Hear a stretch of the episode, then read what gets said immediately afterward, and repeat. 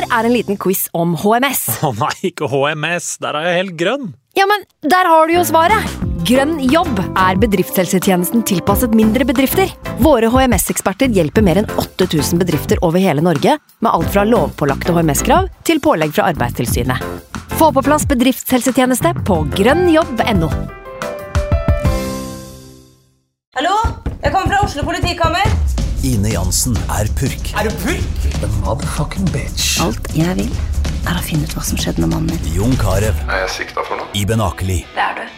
Ole So, Lars Berrum og Big Daddy Karsten. Hvem sin side er du på, egentlig? Anette Hoff, Tone Danielsen, Kommer du fra Afrika? Jørnis Josef, Nesten. Kløfta. Trond Espen Seim, Det er synd å si det, men det var feil mann som døde. Purk. Premiere tirsdag på TV2 Play. I can't believe it. Football, bloody hell.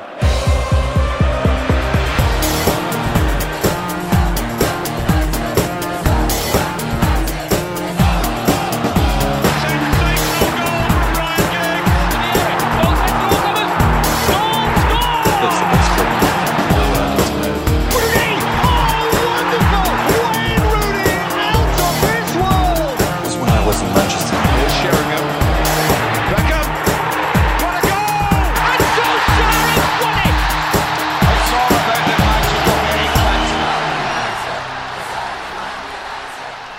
Velkommen tilbake til United We Podcast. Jeg heter Ken Vasenius eh, Nilsen. Eh, Nå har jo også Manchester United fått seg en eh, seier. Begynt å ta et aldri så lite balletak om de Champions League-plassene. Med meg i dag fra TV 2, Espen Veen. Velkommen. Tusen takk for det. Også fra TV 2, Helge Kallekleiv. Velkommen til deg også. Tusen takk for det. Førstereis her i United We Podcast. Ja, Jeg er glad for at Espen er her. Vi har jo laget litt podkast sammen før, så det føles litt trygt å sitte ved siden av Espen. Sven Bisgaard Sund er også med oss eh, i dag. Jobber vanligvis eh, på Krinken med Heia Fotball, f.eks. Hallo, Sven. Hallo! Jeg har jo laget podkast med Helge før, så det føles trygt å være der. Og eh, Espen er jo selvfølgelig et idol eh, for meg, så det, jeg føler, nå føler jeg vi har en god miks her. Ja, men Det er veldig bra. Eh, vi skal kose oss i dag med alt United-relatert stoff. Snakke litt om eh, Bournemouth-kampen. Eh, se litt eh, framover. Men først tenkte jeg vi kunne se litt bakover. Fordi eh, Helge, litt av grunnen til at du er med her i dag, er at du har jobba med en del Manchester United-stoff opp gjennom eh, historien. Og du var jo der eh, i den ganske så spennende og etter hvert for Manchester United-supportere litt sånn å nei-perioden, da sir Alex Ferguson faktisk trakk seg. Ja, Hva husker du fra Om, den om det var en å nei-periode med en gang, det, det, det ble jo mer det etter hvert, kanskje. Ja. Men eh, nei, altså, det er helt riktig. Jeg var jo der som da TV 2s reporter i Manchester slutten av 12-13-sesongen. Kom egentlig over eh, fem uker før sesongslutt, omtrent. Skulle bo i Manchester. Dekke på en måte egentlig bare gull... eh, Eller Premier League-titteltrofeet, og så se litt an hva som skjedde, da. Eh, Så jeg kom over dit eh, mandagen før den mandagen de møtte Aston Villa.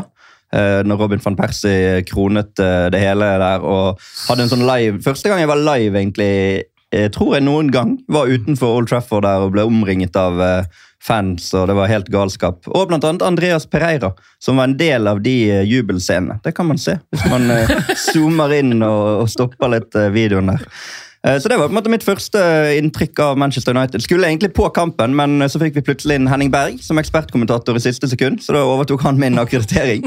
Så han og Kasper Wikestad kommenterte den, mens jeg sto utenfor og rapporterte fra folkelivet. Så ble det jo eh, det ble jo litt mer å gjøre de ukene der enn jeg kanskje så for meg på Manchester United-fronten. For eh, det var vel da 8. mai.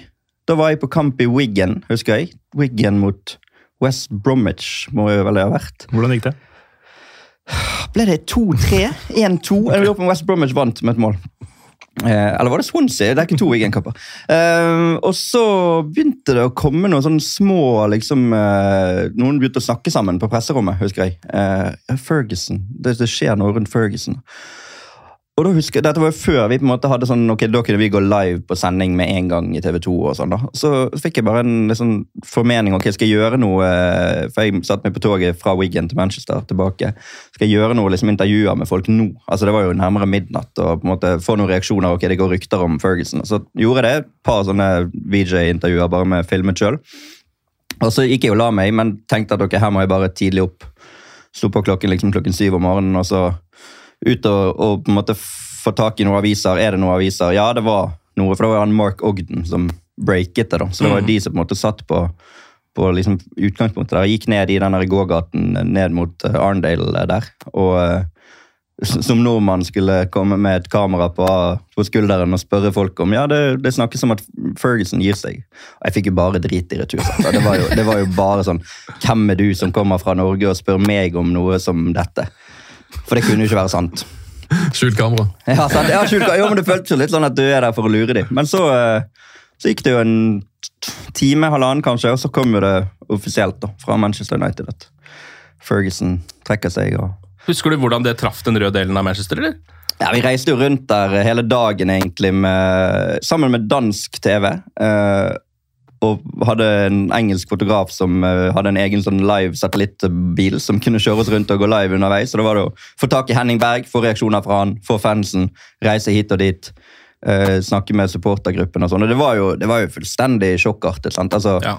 det, du skulle jo nesten tro at mannen hadde dødd. Ja. Fordi det, det føltes jo like eh, ekstraordinært som at noen dør momentant. Mm. Som man ikke er forberedt på. Og det har jo vært, For veldig mange supportere var jo han klubben. Altså Han hadde vært Ja. der hele livet deres. Så, det er klart at det var en eh, lang og spesiell dag. og hadde heldigvis en del eh, research i banken gjennom eh, mange år som fotballinteressert. Så kunne stå utenfor Old Trafford med troverdighet og, og snakke om disse 26 årene, eller snart 27, da, som han hadde vært der. og Det var veldig spesielt. Og så var jeg der da også i ukene som kom. Jeg var på Arsenal-kampen borte der, og jeg var på den Swansea-kampen hjemme og West Brom borte. Så fikk jeg på en måte vært med på svanesangen til, til Ferguson. da. Det som jo er litt uh, vakkert, er at du har med noen av de avisene eh, som Ja. du kjøpte de dagene, eh, i en eh, liten eske her. Og det er helt rått, for det er altså det, eh, dette her er da liksom på en måte sånn nesten som å bare reise tilbake i tid, både fordi det er faktisk en papiravis, eh, og fordi det da er den dagen. Så her er det på alle forsidene selvfølgelig, så står det jo bare om Sir Alex Ferguson i alle de avisene eh, som er kjøpt her. Tenkte faktisk at eh, dette her er noe som eh, For det første så må vi få lagt ut noen uh, faksimiler som det heter på sosiale medier. Ja. Eh, og det kan også være en litt fin liten premie tenkte jeg det her til en, eh, en svoren Manchester United-supporter. Eh, for det her er på en måte litt sånn eh, Hva skal man si? Det, det er jo nesten på en måte historiske dokumenter. Ja, altså, jeg, eh, jeg kjøpte jo de da, som sagt, for å kunne både referere til hva som sto i avisene, men også ha de med meg i sånn liveseanser og sånn. Og så har de egentlig bare ligget da i eh, en eske hjemme hos meg nå i eller fire forskjellige hjem da, som jeg har flyttet mellom siden, siden 2013. Og så slo det meg eh, hin dagen jeg bare leitet etter noe annet på loftet. De kan det være fint å ta med. Jeg har jo ingen interesse av å ha de lenger, men kanskje noen ønsker å ha de. Så det er jo alt fra de store nasjonalavisene til spesialutgaven spesialutgavene av Manchester Evening News og, Ja, det som er ligger der, da. rett og slett en skikkelig avisbunke, så det setter vi skikkelig pris på. Um, hvis vi reiser litt fram til eh, nåtida, da. Uh, jeg ser du koser deg med avisen, avisene, it's, Espen. it's moist time now. Ja, Ja, det ble jo det. Det ble jo det. Ble jo det. Det ble ikke så lenge, da. Måtte du nevne det? Men hvis vi skal hoppe fram til nå, da, Espen, fra en eh, som uh, jobber med fotball uh, og ikke har liksom hjertet sitt spesielt i den røde delen av Manchester, eh, hva, hva tenker du om eh, sesongen til United? Nei, så sett eh, det veldig utenfra nå, da, etter tror jeg ikke har jobba med det på et år. Ja. De var jo, eh, røra jo seg til i Europaligaen nå, så det ble ikke noe, Ja. det ble ikke noe Champions League. Eh, Det blir det neste år, Ja. Og det er jo veldig bra. Så det er jo et trofé. Er jo en stygg smell mot eh, Liverpool, selvfølgelig. Ja, ja. Ja, Men de har slått Manchester City. De har vel, Ten Hag har vunnet er det 38 eller 39 kamper. Ja. Det må sies, sånn som jeg ser det, i hvert fall, eh, å være en uh, godkjent pluss-pluss-sesong i aller høyeste grad. Ja. Uh, Det også, selvfølgelig, så Nå har jeg kommentert litt spansk fotball, og det at de klarte å ryke mot det Sevilla-laget altså Jeg vet at Europaligaen har blitt sånn, der er det mange lag som egentlig har lyst til å spille Champions League, som er med, og så vinner Sevilla til slutt. ja, ja. Uh, Men, men eh, det Sevilla-laget der, det er ikke noe spesielt bra fotballag. Nei, og det var jo en ganske stusslig opptreden også, alt i alt, eh, mot Svia. Uh, det er akkurat som at altså sånn, eh, Nå har de jo gått på noen smeller i Premier League, og for all del, spesielt den Liverpool-smellen, men jeg føler liksom at eh, Manchester United og Europa, det er liksom, der er det um, Det er der de må ta stega på en måte opp igjen, da, har jeg en slags følelse av. Der er det liksom helt sånn det er, Jeg blir livredd hver gang jeg hører en eller annen hymne, sammen med Champions League. eller altså, Det er bare sånn, Dette her kommer ikke til å gå veien. Uh, Sven, du har faktisk sett eh, Manchester United live siden sist, vært på Old Trafford. Hvordan var det? Åh, det var helt Kongolini, hvis det er et ord. Det var altså så utrolig fantastisk bra. Beste United-kampen jeg tror nesten jeg har sett, altså. Eh, live. Eh, Det, er- det er jo så gøy å være på Old Trafford. Og så var det sånn at denne gangen her så hadde jeg for første gang fått billetter oppe på Stretford End. Eh, så jeg hadde debut der oppe. Vi har som regel blitt plassert på noen langside eller over den andre svingen og sånn. Eh, og det å kunne stå der oppe og nyte kampen, det var det var helt rått. Man følte jo at man var litt delaktig i det der eh, 2-0-målet til Garnaccio, for dette, fansen elsker Garnaccio. Så de sto jo og sang på han og ville ha han inn, og hver gang han varma opp, så bare var det altså så mye jubel og, og glede på tribunen. Eh, og når han kom inn og skårte, og, så var det sånn Yes! Det var, det var vår skyld! Det var vår skyld. eh, og så var, det, så var det sol, og det var varmt, og ikke T-skjorte der. Det var bare, mm, det var bare det var alt, alt gikk stang inn den dagen. Nydelig dag. Ja, for Det var jo altså 2-0-matchen mot Wolves eh, som eh, du så da. Eh, men eh, det vi jo lurer mest på, som er en av de tingene vi har snakka mest om her i podkasten når det kommer til å være på Old Trafford, det er jo toalettene. For det har vært så mye Ja, ja. rapporter fra de fasilitetene der. Hvordan var det da du var der? Eh, nei, altså Det var jo, holdt jeg på å si, både heldigvis og dessverre, ehm, ganske bra.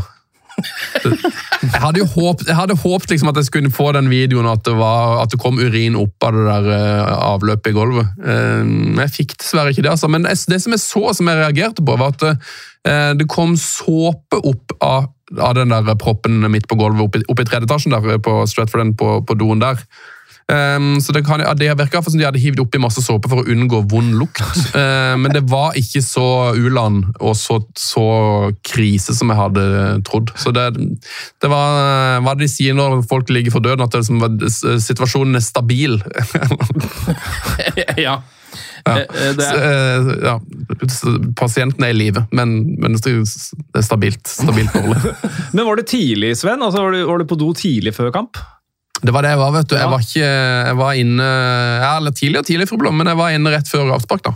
Ja, det er ikke så jeg var ikke, var ikke inne og sjekka etterpå. Det var urutinert, selvfølgelig. Men um, det er vel det, det kan da ikke være sånn hver kamp. Da hadde, da måtte, da hadde vel folk bare slutta å gå vel, jeg tror ja, det tror jeg også. Vi har også faktisk fått eh, noen bilder fra diverse United-supportere som har vært der, og det ser så standsmessig ut på de bildene, så kanskje eh, ryktene om eh, hvor dårlig det går med de dassene rett og slett er overdrevet. Men eh, tenker dere som har vært på en del eh, stadioner og jobba med diverse fotball, hva tenker du om Old Trafford? Liksom, eh, hvordan den er standsmessig da, opp imot de, eh, veldig mange av de nye, store, flotte engelske stadionene? Altså, tenker du da fra et eh, presseperspektiv? Altså for Presserom og sånn på Old Trafford er jo brukbart. Altså Det er jo ikke det òg. Står jo litt tilbake fra type Chelsea, Arsenal, Tottenham. Tottenham. ja. Ja. Eh, men men uh, selve plassene er jo komfortable. Eh, Du, har du kommentert der, kanskje? Ja, da, det har det. Det er jo veldig fint. Veldig fint å kommentere der. Men, uh, men det er jo også noe med Den er jo slitt og alt det der, men nå hadde jeg for et par uker siden en eh, tur til San Siro på Champions League semifinale. Ja. Uh, og det er jo, eh, tror jeg har sagt det før, og verdens mest sjarmerende betongkloss, som også gir enorm lyd. Så eh, jeg er fortsatt der er jeg kanskje litt nostalgiker fortsatt. Liker litt det der gamle, litt nedslitte, at du helst må gå på do en time før kamp. eh, For det må du i hvert fall på San Siro. Eh, Ja. Selv om det var én som var avgrensa til de million pressefolka som var på den kampen. Så og ja, så tror jeg også mange supportere som, som når du først reiser over Hvor mye bryr du deg om det, at det er litt søppel på gulvet, eller at ene setet er litt skeivt? Det fins jæskla mange ting som er verre enn det, altså.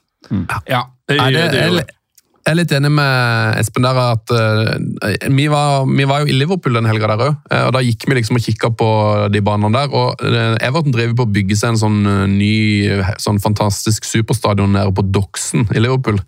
Eh, Men vi gikk jo forbi Goodison Park, og det ser jo ut som en, eh, et parkeringshus, liksom. Men det er jo en eller annen sjarm med de der gamle engelske stadionene, som, og nå forsvinner de jo én etter én. Så jeg, syns det er litt koselig på Old Trafford. Jeg synes egentlig, ak akkurat det med at det kommer urin opp av gulvet, er jo sånn, det må de jo få fiksa, for det, det syns jeg ikke er så bra. Men, men alt det andre, det vil jeg nesten egentlig heller ha litt sånn old school. Altså at det er litt kaldt og skittent og stygt. Det, det har liksom ikke så mye å si. Du er på fotballkamp, liksom, du skal stå der og hoppe, og du blir jo, folk kaster øl på deg, og det, det luk, du lukter ute etterpå du kommer kommer hjem uansett. Og det heter jo tross alt Old Trafford.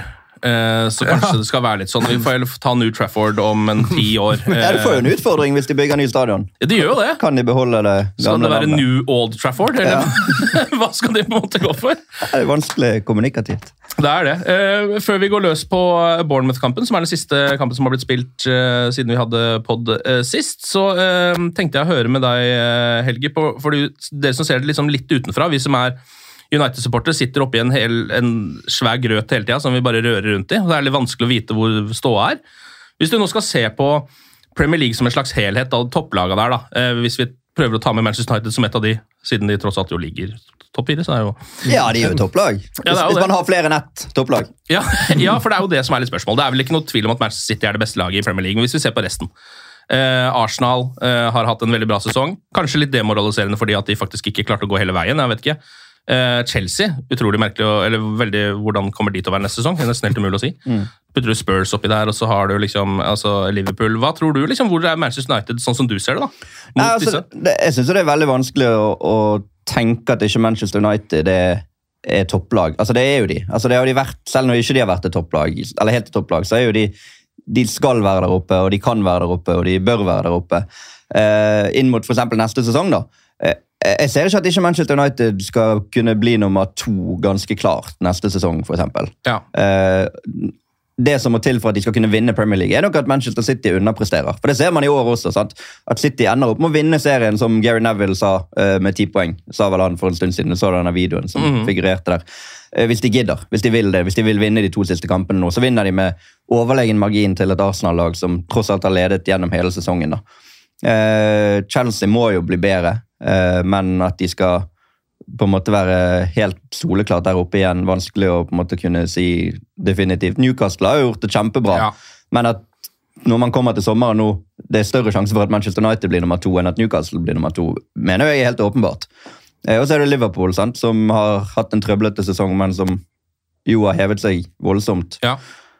Er de helt der oppe igjen neste år? Kanskje, men da må de også tette noen åpenbare huller i laget sitt. Sant? Så, så, så jeg ser jo for meg at det Ten Hag har gjort i sin nullsesong, da. Altså han, han kommer jo Spoler du tilbake til august, så er de sist på tabellen etter to runder.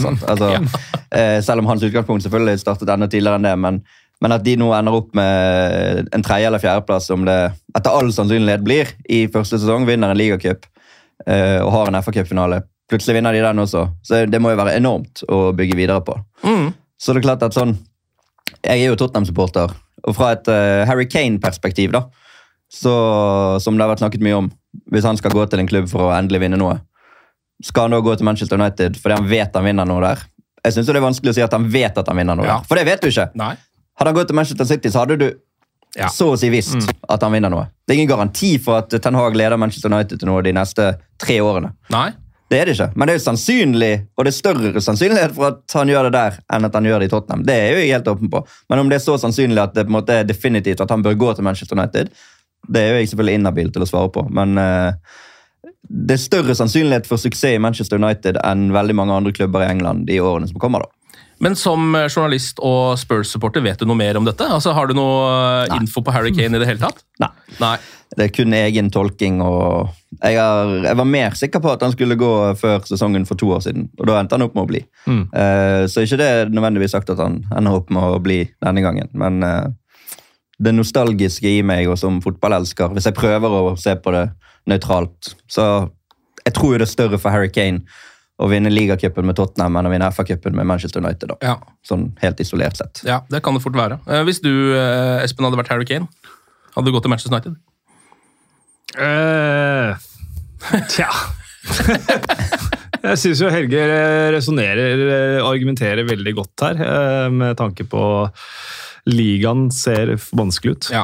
Og han blir jo ikke noe yngre, som ingen av oss blir. Eh, så Men øh, kanskje han, kan, han kan være karrieren hans trenger det òg, da. Men altså, det er jo den der legendestatusen. Er han, er, han er ikke forbi Jimmy Jo, eller, Jo. jo, han er det. Han er tidenes oppskårer, så han får ikke gjort noe med det.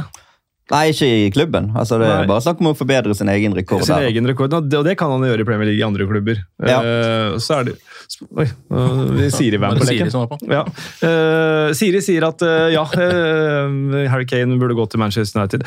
Ja, ja, det kan godt være, men jeg er ikke så sikker på om Harry Kane Om det er Harry Kane de burde kjøpe.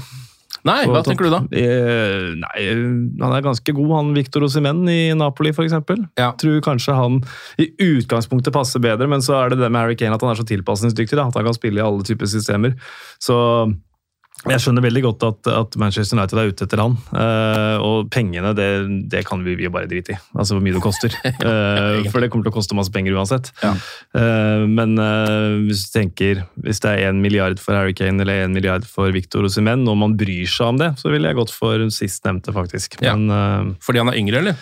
fordi han er yngre, og jeg tror han sånn, i utgangspunktet passer bedre i spillestilen til, til Manchester United. Mm. Sånn høy, høyintensitet og sånt noe der, og så virker han som en megafin type òg. Det ville Kul- være, kul det ville være blytungt for Tottenham-fans å miste han til en annen engelsk klubb. Helt åpenbart. Ja, ja. Eh, Da de Det vil jo påvirke hva han gjør også, sannsynligvis. Ja, han er jo, bryr seg jo om hva Tottenham-supporterne tenker. Ja, det vil jo, han, han går jo ikke til Arsenal. Sant? Altså, det kommer Nei. jo ikke til å skje. Sant? Nei. Men da Dimitar Berbatov gikk eh, til Manchester United i 2008, så var jo det på en måte forståelig. Sant? Altså, han, han kommer fra en annen nasjon i utgangspunktet. Han har vist at han har tatt nivået i Premier League, og den beste klubben i Premier League vil ha deg. Og til og med når Teddy Sheringham gjorde det i 1997, så, så gikk det an å akseptere til en viss grad. Jeg var jo mye yngre, jeg var bare ti år da, men han ble jo tatt imot med åpne armer fire år etterpå da han kom tilbake. Mm. Så at han var liksom ikke, i hvert fall, en åpenbar Judas, sånn som andre som vi ikke snakker om høyt engang i Tottenham-historien har vært. Så, at, og det jo, den Sheringham-parallellen er jo ganske Han var jo stor i Tottenham, Ja. og stor i engelsk målestokk. Selvfølgelig ikke helt på Harry Kane-nivå, og ganske gammel. Han var jo to år eldre til og med enn det Kane er nå. Og endte opp med å ikke vinne noe sin første sesong. Og da lo man jo litt i Tottenham for at ha-ha, du gikk dit for å vinne, og så, og så slo jo han også tilbake. da. Satte den i halsen? den noe ja. Nei, men jeg tror jo at eh, de fleste Manchester United-supportere, sånn som det er akkurat nå, om det er Kane eller Rosimen, eller om det faktisk bare er en spiss, eh, så tror jeg vi skal være ganske fornøyd. Er du ikke enig, Sven? Jo, det er jo både og. Altså, jeg er jo enig i at det er jo, det er jo helt krise eh, på topp. Og de har jo altså et vel, Jeg kan nesten aldri huske at United har hatt så dårlig eh, alternativer på topp som de har akkurat nå. Eh, jeg var jo så den Wolves-kampen, og det var på en måte nesten litt sånn trist å se på Antony Marcial hvor eh, hvor lite selvtillit han hadde. og Han, hadde, han drev på og snubla og datt, og det var bare sånn Folk bare sto og, og bare sånn uff, rista på huet liksom på tribunen. For det er sånn Han han fyren her må bare spille fotball et annet sted. Det her, det her kommer aldri til å gå. Ja. Eh, men det som vi snakka om når United kjøpte Casemiro i fjor, som jeg jo egentlig fortsatt står for, at jeg mener at United som klubb egentlig bør legge en strategi hvor ikke de kjøper sånne type spillere som Harry Kane. da. Egentlig. Jeg tror veien til å bli en, en skikkelig toppklubb igjen, den går gjennom å kjøpe unge, sultne spillere som har framtida foran seg, og ikke kjøpe disse her eh, topp-topp-spillerne som har det største navnet og den største lønningsposen. Eh, for da, da får du bare hele tida sånn at du må gjøre generasjonsskifte annethvert år, for at du, du kjøper sånne kortsiktige løsninger. Eh, og Harry Kane akkurat nå kanskje et godt alternativ for United, men jeg syns at det virker mye mer fornuftig. Mye smartere å kjøpe han eh, Osimen eller, en- eller en eller annen ung, fremadstormende spiss. Så mm, jeg, jeg skjønner hva man mener med at det, det er veldig logisk at eh, man skulle prøvd seg på Harry Kane hvis han mot all formodning har lyst til å gå.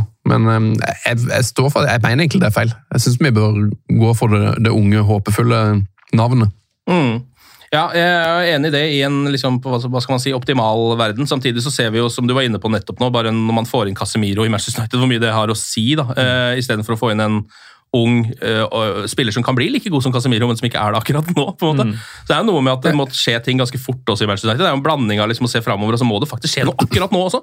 Uh, hele Ja, ja. Eh, Ja, men det, er det, vi, det er derfor man på en måte bare må bestemme seg for at vi må vi er nødt til å bruke to-tre år, liksom. For det, nå, det jo, har vært masse rykter om at Casemiro ryker i sommer, og hvis han, hvis han gjør det, hvis vi allerede mister han, liksom, så er, er det jo bare ett år tilbake. Da har du det samme problemet som i fjor. Da. Det blir liksom to, to skritt frem og tre tilbake, eller hva det heter. Ja. Så um, ikke helt fornøyd med den, uh, med den greia der. Vi eh, må kjøre i gang med matchen mot eh, Bournemouth her. Eh, Laget til United er jo likt som mot Wolves, og det er litt fordi Rashford jo er på en måte tilbake fra skade, men har blitt syk. Så han eh, står over den. Eh, Garnaccio starter ikke, noe jeg egentlig hadde håpet på, men det får nå så være. Eh, og så er Scott McTominay tilbake på benken eh, etter å ha vært borte ganske lenge.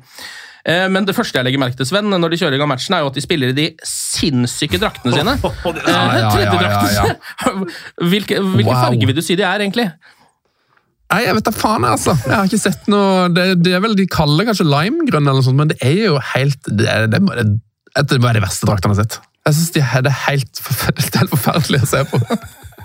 Jeg gruser meg til Nei, så det der, jeg vet ikke, er det noen, Har det et navn, den fargen? Nei, jeg vet ikke. altså Det er noen eh, neon... Ne eh, neon. Neon heter den bare. Neonbasert. Ja, neonbasert farge. Eh, og det jeg føler at de, de draktene der er sånn altså Jeg så aldri for meg at de skulle klare å vinne i de draktene, for jeg kan ikke huske at de har gjort det noen gang. Jeg tenker bare på den Brentford-matchen tidlig i sesongen der, når de ble knust i de draktene der.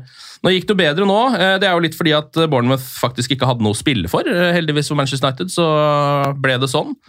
Og United starter ganske frisk, de. Etter åtte minutter så er det Eriksen som får ballen like utenfor 16-meteren. Casemiro er på full fart inn i boksen. Og Eriksen prøver å bare chippe den over eh, backrekka. Eh, Den eh, treffer Senesi, som får en sånn bitte liten touch på den, men legger den bare helt perfekt til Casemiro. Som gjør hva? Jo, han eh, Ronaldinhoer ballen rett i krysset! Han Tor Henning hamrende i krysset. det er noe av det sjukeste. Altså, både den reaksjonsevnen og den rent tekniske utførelsen fra Casemiro der. Han er riktignok brasiliansk. Jo, men det er det han er, da. Han Ja. har det i blodet. Det ligger latent. Han har på en måte en automatikk i at når ballen kommer der, så er det en eller annen mekanisme inni hodet hans som slår inn, som han har imprentert gjennom barndommen og spilt sånn der eh, Joga Bonito og eh, fotballtennis over et nett. og det, det, det, det, så i hvert fall sånn ut. da. At det Ja. var bare sånn, Du rekker ikke å tenke over hva du skal gjøre. Du bare gjør det automatisk fordi at du har det i arsenalet. Og så er jo jeg også overrasket over at han, han også hadde det i arsenalet som brasilianer. Men Ja. eh, han hadde jo det. Han har visst skåret et sånt mål, eh, ble nevnt i et eh, Madrid-derby for mange år siden. Det kan ikke jeg huske å ha Ja. sett. Men uh, det, altså det, ja, jeg, jeg tror det er det du sier, Helge. At det, hvis, han, hvis man begynner å tenke her, så skjer det ikke noe. Så for eksempel, så hadde for eksempel, Hvis den ballen hadde landa der hos Wout Weghorst, så hadde ikke det her skjedd. For jeg tror ikke det ligger latent hos Wout Weghorst. Bare kaste seg rundt. Nei, jeg tror han har vært ute i et halvt år eller noe etterpå. Eh, Wout Weghorst. Ja, sannsynligvis. Og da er det 1-0 til Manchester United, eh, og de har egentlig eh, full kontroll på matchen helt fram til sånn 26 minutter. Da har de fortsatt kontroll, men da har Bournemouth en slags sjanse, i hvert fall, hvor Solanke får tak i ballen og fyrer av gårde et lavt skudd, men det De Hea er heldigvis konsentrert, selv om han nesten ikke har vært borti ballen eh, på det tidspunktet her. Er egentlig generelt en ganske sjansefattig match. Eh, rett før pause så dunker Casemiro av gårde fra 20 meter. Enkel redning fra Neto, og det er egentlig det som skjer i første omgang. Eh, I hvert fall som jeg har notert her. Da står det 1-0 til Manchester United. da. Eh, Bournemouth prøver seg litt eh, i starten av andre omgang. Eh, Brooks, som jo er tilbake fra å ha hatt kreft.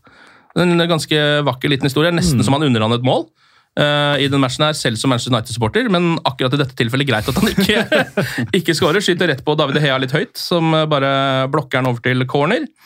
Sancho går ut etter 72 minutter. Eh, Garnaccio kommer inn, eh, og som vanlig så blir det jo da litt mer fart i Manchester United. Eh, Garnaccio er litt sånn Han er så fandenivoldsk. Han går liksom bare rett på, mens eh, Jadon Sancho eh, ikke gjør det. det er vel den enkleste måten å si det på. Eh, United har noen sjanser. 75 minutter så er det Eriksen med en corner. Når det er corner, så er det nesten sånn at jeg bare går på do når Manchester United har corner, for det er ikke noe vits å se på, egentlig. De skårer jo aldri mål på det. Nå er det ganske nærme, da, etter en klarering ut eh, mot 16 som Bruno skyter på en perfekt volley, men eh, Neto er der også. Og Så kommer det liksom den ene eh, tingen som kan gjøre at Manchester United ikke skal ta alle poengene i denne kampen, her, og det er et 83 minutter. Da er det plutselig Key for mål som blir spilt helt på blankt med David De Hea. Han er helt alene med han. Litt skrått, riktignok.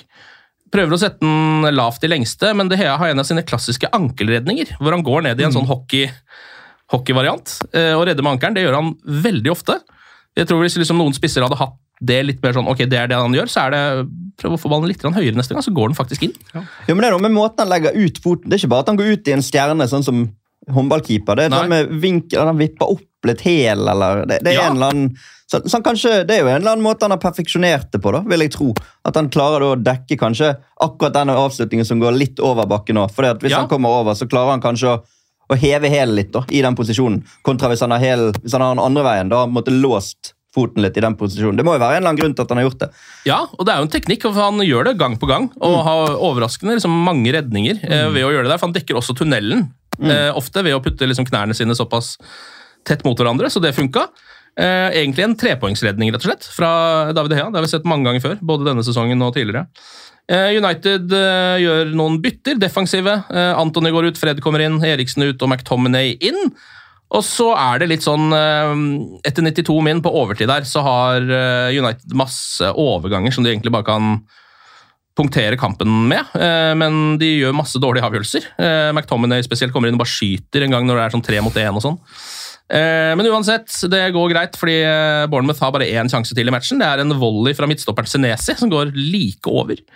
Og så er det 1-0 eh, Manchester United. Og Sven, da trenger Manchester United ett poeng da, på de to siste kampene. Så er det Ja. Champions League-plass og mission accomplished, skal man ikke si det for Ten Hag? Fantastisk. Jo, det må man bare si. Eh, Jeg skal mye til å surre vekk der. Jeg har vært så positiv eh, hele, hele år, så det her Ja, kom er ikke som noen overraskelse på meg. Nei, du gjorde ikke det. Du sa jo det at dette her kommer til å gå bra, eh, selv da de var inne i en liten tapsrekke der. Så eh, jeg vet ikke helt hvor du henter det fra, men du satt jo igjen eh, It came good, som de sier. Så det, så det, så det. Jeg har, et, jeg har et veldig godt blikk for spillet. Det har jeg jo bevist gjennom Jeg har jo vært i en lang lang diskusjon om Declan Rice egentlig er så veldig god, eller om han kanskje får litt for mye skryt. Um, Jeg vet ikke om dere har fått med dere dette? Jo, jeg har fått med det. Viktig, del av mitt liv. Ja. Eh, Eh, og du nå har jeg- jeg har avholdt- Jeg har avholdt en poll, eh, og folk har talt 60% av de 550 eller sånt svarte har mener at Declan Rice litt oppskrytt. det er bra. Så jeg er veldig glad for å høre det. Da har du tall på det, og det er veldig viktig. Det er viktig å ha det å slå i bordet med. Vi har jo, eh, jeg synes, du kan du legge til, for det kommer ikke så godt fram i et sånn kampreferat som det her, men for eksempel Victor Lindeløf var jo helt glimrende i den kampen her. Synes han har vært ganske bra. ehm, Etter at han måtte ja, nå spille fast da, for Manchester United i en periode. Og så er det jo også snakk om at de um, skal gi en ny kontrakt til Lisandro Martinez. Allerede, Han har jo egentlig allerede en lang kontrakt, på en måte, eller sånn, han har jo en lang nok kontrakt, men nå skal de forlenge den allerede nå. Eh, er det noen som har noen tanker? Er det, er det liksom god klubbdrift å gjøre det? Nei, Nei? tenker jeg, da. Nei? Hvor lang kontrakt har han? Fem år eller noe sånt? Ja, noe sånt, ja. Ja, Da trenger han sikkert sju, da. Uh, Ja, men han har spilt én sesong. Han har vært veldig god, da. Ja, men han har vært skada og sånn. Men... Ja, og det, er vel, det var vel litt det samme når de, de forlenga med Victor Lindelöf på et litt rart tidspunkt også. Ja. Uh, så jeg, Og Jones. ja, Ja, han skal vi komme tilbake til, Sven. Ja, ja, ja. Uh, nei, det ser jeg ikke noe grunn til. Altså, han skal si, Kanskje han vil ha litt mer penger, da, men hvem er det som skal komme og kjøpe han, da? Eh, akkurat nå. Ja, jeg Han er hørt- god, for all del. Han er kjempegod, men uh, Det er ikke sånn at noen prøver å snuse han bort fra United nå, tror jeg jeg. har ikke noe inntrykk av det, i hvert fall. Nei. Så ikke Sevilla, da. Ja, nei, altså Det må jo være typ Real Madrid eller Barcelona. da. Det er jo på en måte det eneste Barcelona kan ikke kjøpe. Nei, men altså, de, det kan, De, de, Du vet jo aldri hva de finner på. alltid en vei, men eh, de kan jo utgangspunktet Men det handler ikke om noe sånn avskriving av at du kan føre det på Det flere være. år enn altså, i budsjettet. Ja. Ja, lønnspost. det er sikkert noe lønnspostgreier, ja. Mm. Ikke, altså, det er jo på en måte en mulighet til å komme Ja. seg rundt en uh, Altså senke det årlige lønnsnivået ved å gi han en syvårskontrakt på så og så mye, og så fordeler du de på syv år i stedet for fem. da. Jeg godt Det er det de, det er det de har argumentert med rundt uh, alt dette her med Chelsea har jo kjøpt spillere på så utrolig lang kontrakt nå. Mm. Det er jo at du regner jo ut prisen per år. Ja, verdien de sant. Mm. Ja. Så det at hvis du har lange kontrakter, så slipper du på en måte billigere unna på FFP. da. Eh, Så du kan oh, ja, ikke bli arrestert Det på det. være- Men jeg tipper jo at det her mest er for å, for å liksom vise tillit til han og si at du er vår mann. Eh, Så jeg liker egentlig, liker egentlig litt at de gir han en ny kontrakt. Um, Han er jo det er jo han som må være liksom krumtappen. Det er han som skal være vår beste stopper de neste seks årene. Så du kan liksom gi han en sjuårskontrakt. Ja, ikke sant? Ja, Vi får se eh, hvordan det der eh, går. Vi må jo over til en annen mann også, som du var innom, Sven, som har fått kontraktforlengelser eh, gang på gang. Phil Jones. Nå er han da eh, endelig, holdt jeg på å si, eh, på vei ut av Manchester United etter veldig mange år. Han har jo vært der eh, siden 2011. Vært der i tolv år. Han er 31 år gammel bare, vil jeg nesten si. Ja, det er bare. Han Ja, ja. oppleves som 44 år gammel. Ja, han gjør jo det. Ja. Eh, han har eh, 169 kamper for United, to mål. Eh, kanskje ikke så imponerende, men det er tross alt Phil Jones. dette her. Han har blitt Premier League-mester i 12-13, han ble FA Cup-mester 15-16, Europaligamester 16-17. Selv om han vel kanskje ikke spilte makskamper eh, i noen av de sesongene. Hadde sikkert noen i 2012-2013, vil jeg tro. Jeg vet ikke, eh, Sven, en liten oppsummering av karrieren til Phil Jones? Ai, ai, ai. Uh, jeg syns egentlig synes det er ganske trist, hele greiene. Um, fordi når Phil Jones kom til Manchester United, så hadde jeg altså sånn en vanvittig tro. Uh, jeg syns han var så god òg de første årene. Uh, Sir Alex har jo sagt liksom at han her kan jo bli liksom noe av det noe av det råeste United-spillerne noensinne. Han kan bli en ekte ekte legende.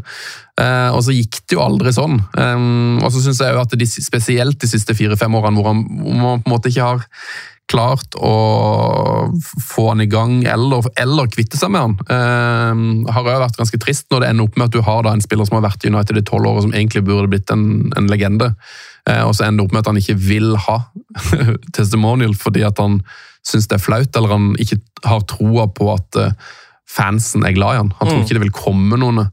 Eh, det blir jo ikke mer trist enn det. Eh, så sånn I retrospekt så burde man jo jeg tror Det hadde beste hadde vært hvis han hadde gått til en annen klubb for noen år siden og på en måte bare fått restarta karrieren sin. og Så kunne vi liksom heia på han fra, fra Manchester mens han, han fikk sving på det. Så eh, Det er litt, rett og slett litt trist. Det som det kunne, kunne blitt veldig bra, så ble det bare ingenting. Jeg vet ikke, Hva tenker du, eh, Helge, om liksom en altså, Jeg har ikke hørt om så mange sånne historier som dette, om en sånn type spiller som bare er i en så stor klubb så lenge uten at han spiller. Nei, i hvert fall ikke Du hadde jo Winston Bogarde, da, som dro til Chelsea og ble værende og bodde i Amsterdam og reiste et par dager i uken for å trene med reservelaget til Chelsea. Ja. Og Det var vel litt tilsvarende år, da, men det var jo en litt annen case. Han ville jo ikke vekk, og de prøvde seg å kvitte meg, og han sto på at kontrakten er min, og den skal jeg, skal jeg beholde. Men, eh, men det er klart at Phil Jones, jeg vil jo tro at han er veldig personlig investert i Manchester United og har eh, veldig mange folk rundt seg i klubben som har brydd seg om han, og han bryr seg om mange, og familie og to barn der som på en måte har vokst opp med han som Manchester United-spiller. Men det, jo, det spesielle er jo den kontraktsforlengelsen som kom der. Det er jo klart at Den i ettertid ser jo veldig rar ut. Eh, om det har vært en på en måte personlig greie fordi at de har følt han har fortjent det fordi han har gjort så mye for å komme seg tilbake. Kan jo hende, og så kan jo hende det er ting her vi ikke vet da. Altså En ting er jo de, de fysiske skadene som rapporteres om, men det kan være tilbakefall av ting. Det kan være, det kan være veldig mange ting rundt her som, som påvirker. da. Eh, og så er jo, som Sven også sa, Du husker jo da han kom fra Bleik. Det var jo snakk om Duncan Edwards. sant? Det var jo, det var jo sjefen sjøl som sa hvor stor denne mannen skulle bli. Så du hadde enorme forventninger. og Han, han var jo bra i begynnelsen. altså han var jo det store i engelsk fotball, sånn, både som stopper, men også som en sånn aktuell defensiv midtbanespiller i årene som skulle komme. Da. Og, og at det har utviklet seg på den måten det har gjort, det er jo det er som Sven sier, trist da, eh, å se. Men eh, det, ser, det ser rart ut at den kontrakten ble forlenget da den ble det. Og så er det jo, hva tilstanden er han i nå? Kan han spille fotball igjen? For Han har jo ikke kommunisert at han legger opp. Det er jo snakk om at han sier farvel til Manchester United, men plutselig går han til Blackburn og spiller championship og rykker opp igjen med de, og da, da er han jo tilbake. Hvis, han, hvis han har kropp til det, da. Men Ja. det vet man jo ikke. Vi vet jo ikke egentlig hva han har. Nei, Jeg håper jo at det er det som skjer. Jeg håper at han ikke legger opp. Det vet vi jo faktisk rett og slett ikke. Det tror jeg kanskje ikke han vet heller, for han må jo vente nå på å se om han får noen tilbud. da, sannsynligvis. Men jeg husker jo bare eh, den kam siste kampen han starta, eh, var jo mot Wolves i januar 2022. Eh, Det var vel under Ragnhild, så vidt jeg kan huske. Eh, Da tapte jo United 1-0 i den matchen. Eh, Da var det jo pga. masse skader at han starta. Det var Phil Jones og Rafael Varan som var midtstopperparet til Manchester United. Um, og Det var jo fascinerende å se, for Phil Jones var jo kanskje banens beste i den kampen. Han spilte altså en kjempekamp, selv om de jo tapte, da, og var i en veldig dårlig periode. Men han var jo den eneste med litt energi utpå der òg. Så det bare på oppvarminga. Alle andre går inn med liksom allerede hengende hode, og han står og tar noen sinnssyke high jumps eh, og girer seg opp, liksom. Fikk masse applaus. Jeg vet ikke, For meg så føltes det ut som det var testimonioen hans. på en måte. Eh, en litt sånn jeg tror ikke Han satt vel ikke igjen med inntektene, men det var en slags sånn, eh, ja, hva skal man si, eh, psykisk testimonial. Ja.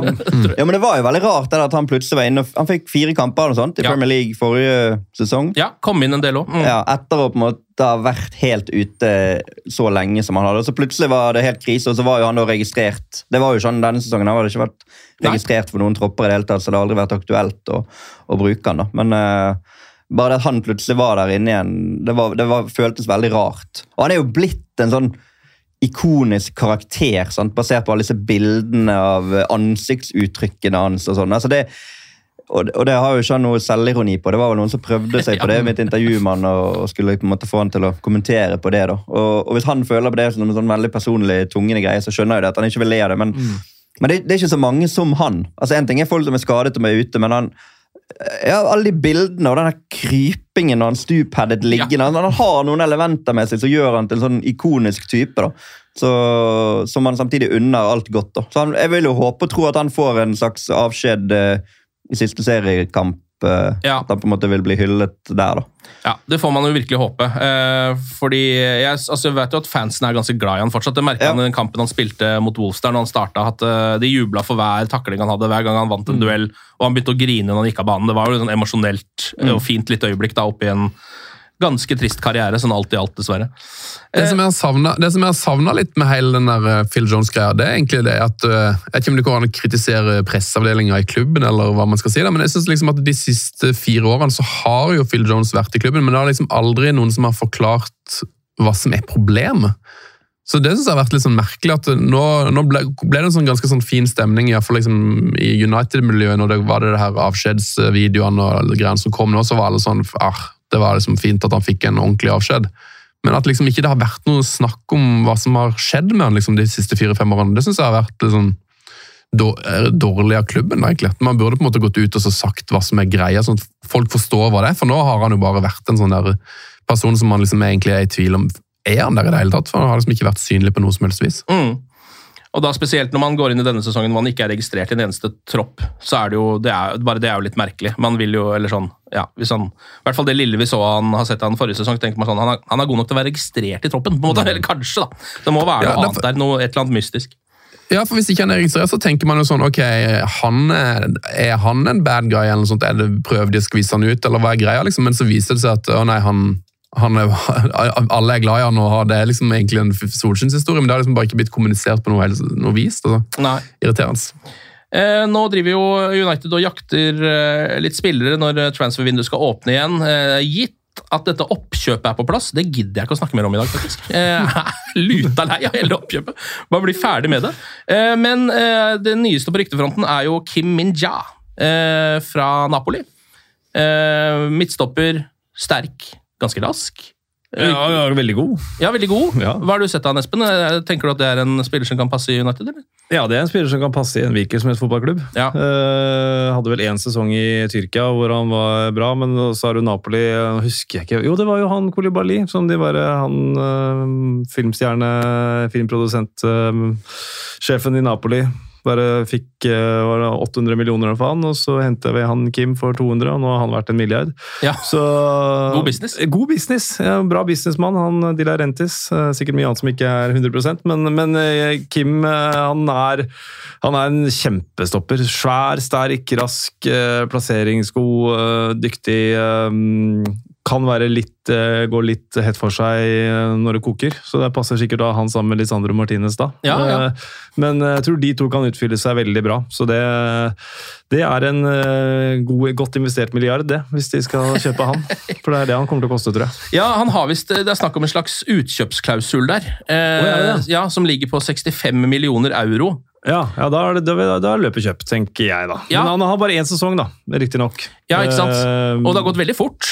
Det har gått veldig fort, men eh, når du tar eh, ett steg sånn, så da er det jo også kanskje noe med mentaliteten til spilleren. Da kan du fort ta det neste steget også, uten at det er noe stort problem. Så Ja. selvfølgelig ja, ja, nå skal jeg være forsiktig med hva jeg sier, fordi jeg tror ikke nødvendigvis det er så mye større press noen andre steder enn Napoli. Eh, Jeg tror det er ganske hardt der, ja. ja. ganske hardt der, men han har vært, de har vært på en veldig sånn flyt, da. Så han har, har ikke opplevd motgang i en stor liga. Nei. Det har han ikke. Eh, Det var Champions League-exiten, men da kunne de ikke spille returen. Og det er jo litt av grunnen til at de røyk ut. Ja. Så han er eh, Det er en, en veldig god investering, men er det der de skal bruke pengene? Ja, Det er en annen sak. Det er jo en annen sak. Det er jo så mange steder de egentlig kanskje burde bruke de pengene nå etter hvert. Eh, men eh, Du vil kanskje få litt penger for Maguire, og litt sånn, og så er det greit. ja, Mm. eh, det må jo også gjøres først. Det er jo noe som du har vært veldig opptatt av, Sven, at det må renskes opp eh, før man skal få inn nye folk i den troppen der. Ja, og det var det jo sak om eh, Det var vel, det forsvant vel kanskje litt på 17. mai, men at uh, ifølge mange kilder så har jo United nå liksom sagt til spillerne hvem som skal ut, og da er det jo snakk om at det er 13 spillere som skal ut. Eh, så liksom Bailly, Henderson, Maguire, Telles, eh, Martial Også Jones og Tuan Seba, disse her som, er, som skal slippes, da. Men eh, det lukter jo skikkelig oppvaskrunde da, i, i sommer. Ja, og det tror jeg er, eh, er like greit. Ten Hag har visst også eh, sagt at han gjerne kunne tenkt seg én etablert spiss og én ung eh, backup-spiss, som det heter. Og så er jo det mm, bare ord, på en måte, så vi får se hva som skjer med det når, når eh, alt eh, landes innen oppkjøp og sånt nå. Eh, ok, da er det altså Chelsea eh, som er neste match for United på Old Trafford på torsdag, og så er det Fulham hjemme på søndag, og ett poeng til sammen på de to, så bør ting være greit, så lenge Liverpool vinner sin kamp, som jo heller ikke er sikkert at de nødvendigvis gjør. Så da eh, ser det ut som at vi går mot en eh, såkalt eh, ja, godkjent plussesong, er det ikke det alle har blitt enige om eh, for Erik Den Haag i første sesong? Ja, det vil jeg si. Det er, eh, det er nesten mer enn godkjent òg, med tanke på hvor klubben var eh, i januar, februar, mars, april, mai. Juni, så greit Ja, under, ja, under eh, I går. under Alf Ragnhild og alt det røret der. Ja. Så har han jo gjort en kjempejobb, og så vet jeg at når, når, når de slår City, så er alt kjempebra, og så taper de 7-0 for Liverpool, og ja, de er en gjeng med tegneseriefigurer, bla, bla, bla, bla. Men de kommer antageligvis på tredjeplass.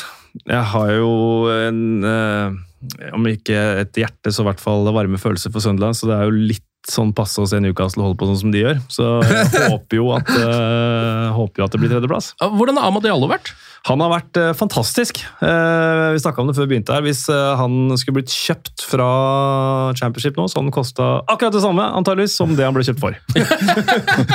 som var en eh, 300-400 millioner. Ja, Så han har spilt seg opp til den samme verdien som han hadde før han gikk fra Manchester United? Da, Det vil jeg si han har vært Nå er jeg selvfølgelig meget subjektiv, men topp tre, om ikke topp én, championship-spiller denne sesongen. her. Han har vært vanvittig god for Ja. Sunderland, og for et Sunderland som har vært mye skadeplaga offensivt. Eh, Loch Ness Drogba har vært ute nesten hele sesongen. Ross Stewart, for de som ikke veit det. Ikke? Men, men eh, samme det. Eh, Men han har båret offensiv i et Sunderland-lag som har spilt offensiv, morsom fotball.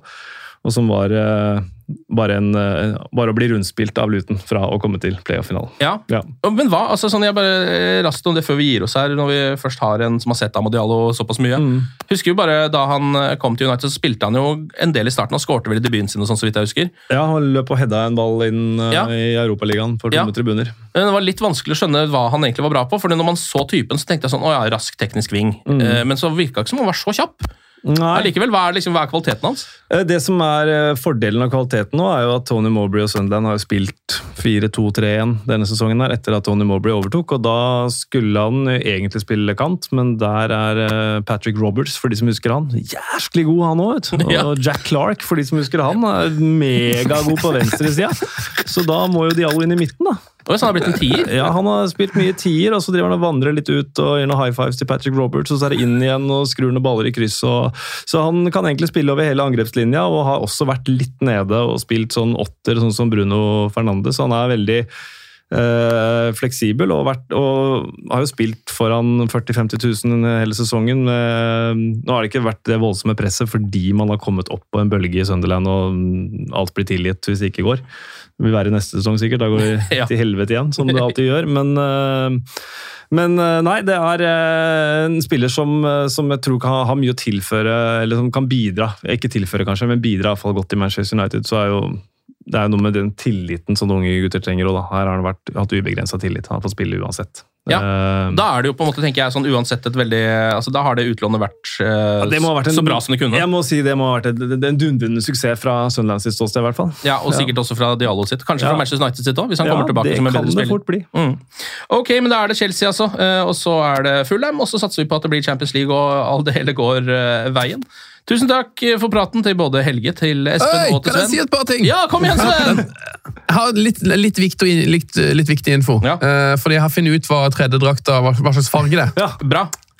Det er semisolar slime, som den fargen heter. Og den ligger til Jeg gikk inn, den ligger jo nå til salgs da på United.com. Sterkt, sterkt rabattert! Den koster egentlig 7,70 pund. Det kan også kjøpes for 24 pund med koden ManUSales25, for det er tydeligvis ingen som vil ha den drakta. Eh, og så en siste eh, nyhet fra når jeg var på Old Trafford. Vi gikk jo inn til stadion, vet du. Eh, Vi var seint ute pga. at vi måtte stå i sånn kø til det der dumme der du legger fra deg sekkene. Ja. Ikke, ikke snakk om det. Eh, Men så kommer vi kommer kanskje 20 minutter før kickoff, da, så er vi liksom på vei inn til Stretford End. Og der som bussen står parkert utenfor der, der kommer det plutselig en fyr, geleida, eh, går i joggetøy, skal klar for å sitte på tribunen da og ikke få spille kampen. Eh, og som vi går rett på, så er jeg da én meter unna og mister munn og mæle. Det er Scott McTominay, Ken! Jeg har møtt Scott McTominay! Eh, Det var et dypt dypt religiøst, eh, rørende, vakkert øyeblikk eh, som jeg aldri aldri kommer til å glemme. Han, han lukta godt, han smilte fint og var svært populær. Altså, Det var nesten litt sånn eh, Hollywood-øyeblikk for deg. Det hvordan, eh, hvor høy var han? For det er jo alltid det folk altså Så han lav ut, syns du? Eller så han høy ut? Han så sterk og høy ut? og mm, Jeg har jo møtt eh, Sir Alex, jeg har møtt JC, jeg har møtt, jeg har møtt Karel Poborski, jeg har møtt Diego Maradona. Men å møte Scott McTominay altså, akkurat det er fristende å si at det er det største jeg har opplevd. Ja, vet du hva, Jeg tror vi lar det bli siste ord. Jeg synes- jeg syns det var såpass vakkert. Eh, tusen takk for praten, alle sammen, og glory, glory.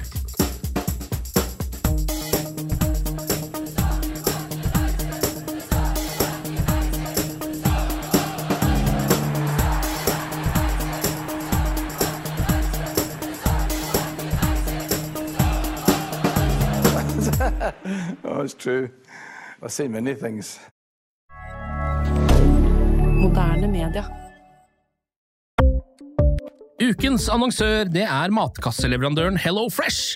Der kan du velge mellom 25 ulike oppskrifter hver uke, eller få Hello Fresh til å sette sammen en meny for deg. Jeg sparer tid på å handle, oppskriftene er veldig enkle å lage, og så får jeg akkurat det jeg trenger da, til hver eneste rett, så jeg slipper å kaste så mye mat som jeg vanligvis gjør. Det er også litt deilig å faktisk slippe å gå på butikken, ikke bare fordi det er tidkrevende og sånn, men fordi man ender opp med å kjøpe så mye greier som man egentlig ikke trenger, sånn som fire poser eh, Smash og en kick med havsalt, eksempel. Det er ikke det du egentlig er der for, du er der for å kjøpe, kjøpe middag. Så det er en veldig eh, kjekk ting. I tillegg så er det jo eh, ferdigporsjonerte ingredienser, det blir mindre matsvinn, og du betaler bare for det du faktisk trenger, og det du faktisk da spiser. I tillegg så blir det da levert på døra til et eh, fastsatt tidspunkt, sånn at du kan få det akkurat når det passer for deg eh, sjæl. Hvis Hello Fresh høres ut som noe for deg, så har jeg en rabattkode du kan bruke også. Gå inn på hellofresh.no og bruk koden HelloUnited24. HelloUnited i ett ord, også 24, og få opptil 1779 kroner i rabatt på de fem første matkassene dine hvis du ikke har prøvd Hello Fresh ennå. Du kan også bruke koden hvis du tidligere har vært kunde, men har stoppa abonnementet ditt for tolv måneder siden eller mer. Det er ingen bindingstid, og du kan pause eller avslutte abonnementet ditt akkurat når du selv måtte ønske. Husk koden HelloUnited24, og bon appétit! Ukens annonsør er Folio, en smartere banktjeneste for deg som har en egen bedrift eller ønsker å starte for deg selv. Folio er en superenkel nettbank for bedrifter. Som kunde i Folio får du en bedriftskonto med et bedriftskort og app. I denne appen er det smarte løsninger som forenkler regnskapet ditt, uansett om du har en liten bedrift eller et enkeltpersonsforetak. Folio er både intuitivt og brukervennlig, og er laget med et enkelt språk. I tillegg tilbyr de forutsigbare priser og ingen skjulte gebyrer. Skulle du likevel trenge det, så kan du snakke med deres raske og hyggelige kundeservice, og der får du prate med en faktisk person og ikke en chatbot. Folio er med andre ord både enklere og koseligere enn banken. Over 10 000 bedrifter har allerede valgt Folio som sin banktjeneste, så besøk folio.no og se hvordan Folio kan forenkle din hverdag også. Har du et enkeltpersonforetak eller en liten bedrift? Da er du sikkert lei av å høre meg snakke om hvor enkelt det er med kvitteringer og bilag i fiken, så vi eh, gir oss her, vi. Fordi vi liker enkelt. Fiken superenkelt regnskap.